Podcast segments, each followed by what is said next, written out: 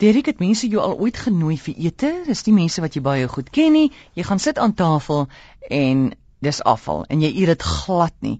Lorraine het dieselfde probleem gehad. Nathaniel, wat doen mense in so 'n geval? Nou, eet jy dit nie. Dit is nie om beskof nie. Ek roem myself daarop om 'n goeie onthaler en huiskok te wees. En baie van my vriende kan nommer 1 nie die kapasiteit vreet wat ek doen nie.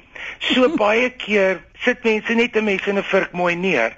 Ek hou van verskillende gange. Dit beteken ek maak meer kos as ander mense nie, maar baie keer laai mense mos nou stysel en groente en vleis en 'n sous op een bord.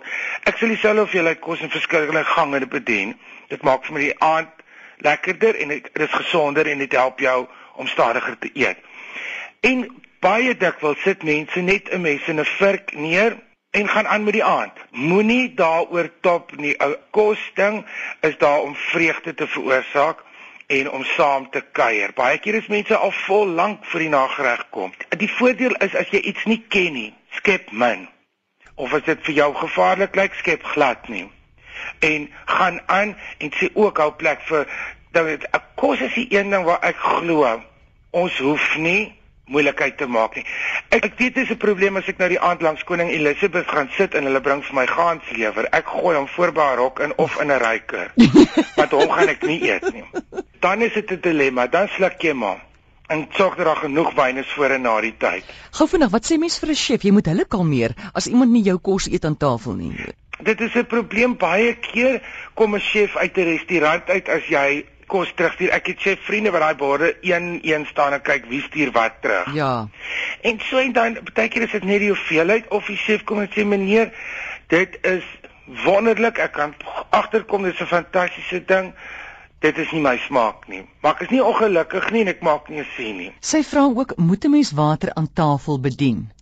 Oor die algemeen is water 'n vreeslike groot mite aan tafel. Soos baie mense glo jy verloor gewig of is gesond om water te drink tydens ete. Dis nog nooit bewys nie. Dit is wel bewys dat dit 'n verskil maak wanneer jy dit 40 of 45 minute voor die tyd drink. Dit help ook om jou liggaam skoon te hou en dit is ook natuurlik goed daar as jy wil iets drink want die kos is sterk en jy wil nie wyn hê nie en jy is nie lus vir soet goed soos koeldrank nie.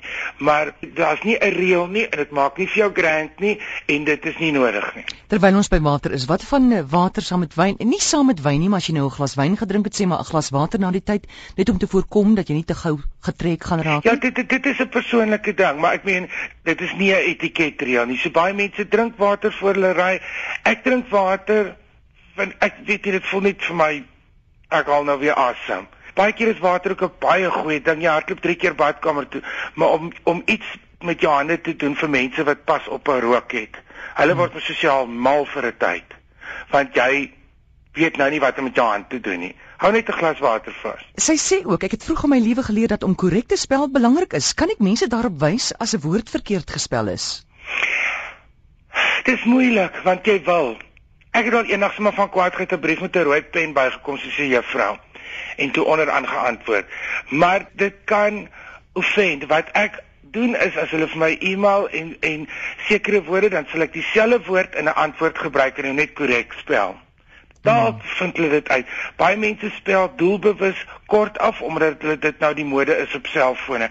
As, dit iemand is met wie jy gereeld gaan werk, as dit iemand is wat jou verteenwoordig, as dit 'n familielid is wat jy lief genoeg het en wat jy gemaklik nie is kan jy dit doen. Jy kan dit doen wanneer die omstandighede dit jou toelaat. Wat moet 'n mens doen as jy besig is om 'n storie te vertel en die ander persoon begin in die middel van jou storie met iemand anders praat of begin sy eie storie vertel? Ek, ek is iemand wat iemand in die rede val ek raak baie keer verskriklik opgewonde en dan besef ek na die tyd hier is ek nou alweer in die moeilikheid.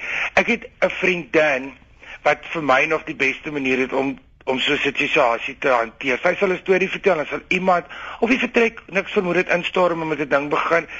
2 ure later is daar oomlikse stilte. Dan sal sy net sê, "Anyway, en dan vat sy vir hom verder. maar sy gaan nie huis toe vir haar verhaal nie klaar is nie. En dit stuur nogals is baie snaaks, maar dit stuur ook 'n subtiele boodskap. Elke keer wat sy dit nog gedoen het, het iemand om verskoning gevra. Die etiket of die reël is om nie te onderbreek nie. Dis een van daai goed wat jy jouself dan in 'n situasie sit. So bly chip stil, drink 'n wyntjie, wag jou tyd uit en dan vat jy hom weer, maar moet nie jou storie laat gaan nie.